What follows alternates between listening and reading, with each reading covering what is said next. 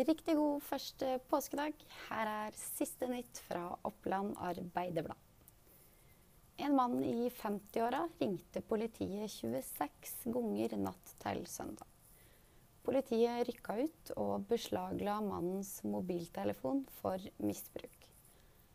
Til OA opplyser politiet at mannen er en kjenning av politiet, og at dette var et tilfelle som bl.a.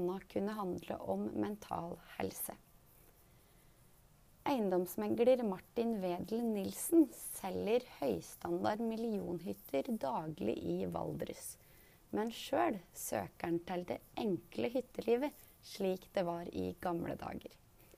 Eiendomsmegleren forteller at han selger flotte hytter i jobben sin, men at det ikke er slike hytter han vil ha sjøl. Les mer om saken på oa.no nå. Fra klokka ti søndag formiddag kan du holde deg løpende oppdatert over trafikken over store deler av Østlandet. I samarbeid med en rekke andre aviser vil Oppland Arbeiderblad sende levende bilder fra de viktigste veiene hjem fra påskefjellet. Samtlige aviser vil ha kameraer gående, slik at du lett kan holde deg oppdatert over de veiene du skal kjøre. I tillegg, høyt oppe hos oss nå, kan du få med deg saken om hvem som er styregrossistene i Østre Toten.